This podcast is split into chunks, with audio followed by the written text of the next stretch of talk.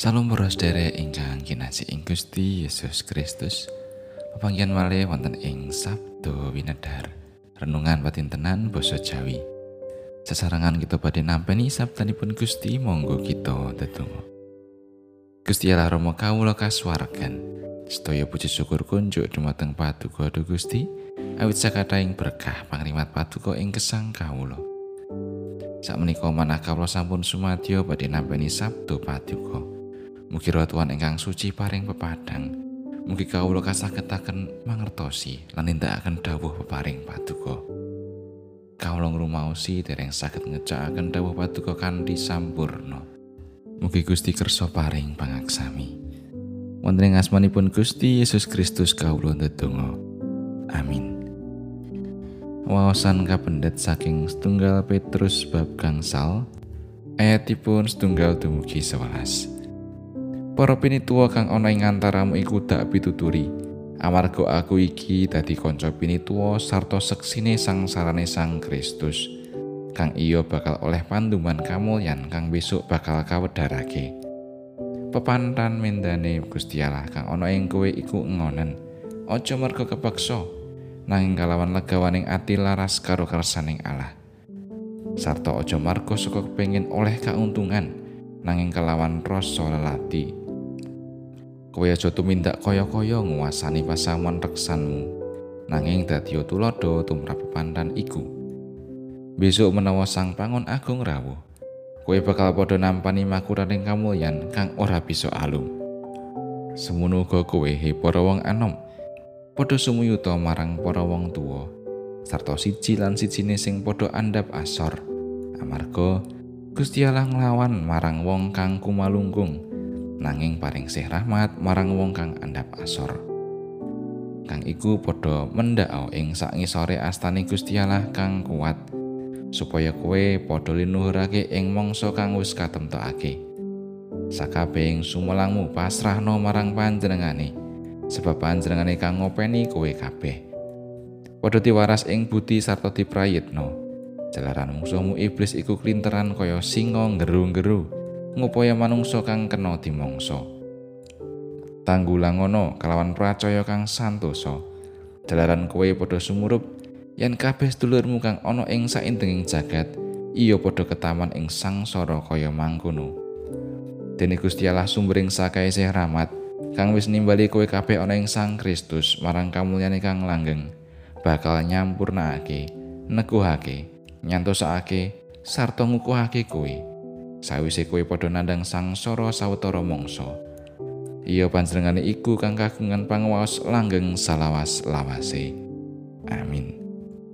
Mekaten pangandikanipun Gusti lumantar seratipun Rasul Petrus. Ayat nat saking ayat kalih A. Pepantan mintane Gusti Allah kang ana ing kowe iku ngonen. Aja marga kepeksa, nanging kelawan legawaning ati laras karo kersaning Allah. Dados pangen menika sanes sebab ingkang gampil. Kenging menapa? Awit tiyang ingkang dados pangen menika nggadahi tanggung jawab ingkang ageng. Piyambakipun kedah nggadahi kesabaran, manah ingkang wiyar, so sikep ingkang purun kurban.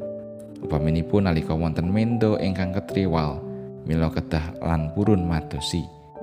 Jejering pangen kedah saged ngayomi mendanipun saking bebaya, ugi sabar anggenipun nuntun mintanipun dateng margi kaleresan. Saking andaran menika mila tetes pangen menika kedah katelasan kanthi manah ingkang legawa. Bab menika kados ingkang kaandharaken ing serat setunggal Petrus bab bangsal ayat setunggal ngantos 11. Ing waosan menika kaandharaken bab-bab ingkang wigati tumrap pandharekipun Gusti ingkang katimbalan ngengen mindo-mindanipun. Lajeng bab-bab wigati menika menapa kemawon? Kapisan tetales anggenipun nindakaken timbalanipun Gusti minangka pangen. Tentu wonten tetales nalika tiyang katimbalan dados pangen inggih menika ngengen para umat kagunganipun Gusti. Tetales ingkang kedah dipun gatosaken inggih menika nindakaken timbalan kanthi gumulonging saha legawaning manah cunduk kalian kersanipun Gusti. Tegesipun ing ngriki inggih menika nalika dados pangen kedah katindakaken kanthi manah ingkang rentek so nggadahi motivasi ingkang leres. Nggih menika mboten pados kauntungan pribadi, ananging nindakaken ingkang dados kersanipun Gusti. Kalih pituas ingkang badhe dipun tampi. Nalika tiyang saged nindakaken timbalanipun Gusti tetes pangen ingkang leres, mila pituas saking Gusti badhe katampi inggih menika kasampurnaning gesang. Kasantosan, kegiatan, so kasekapan tansah kaluntakaken ing gesangipun. Pramila sumangga kita tampi timbalanipun Gusti minangka pangen kanthi gumulunging manah so legawaning ati. Amin.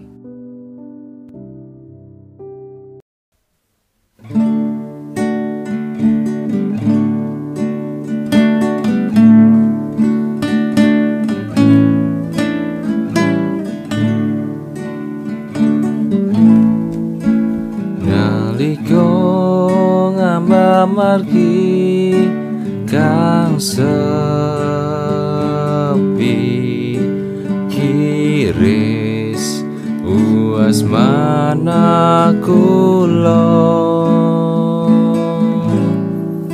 sampuni larga wulo Gusti.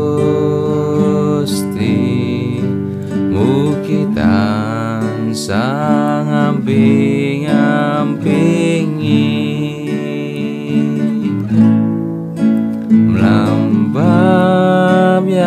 yambatatan ketuki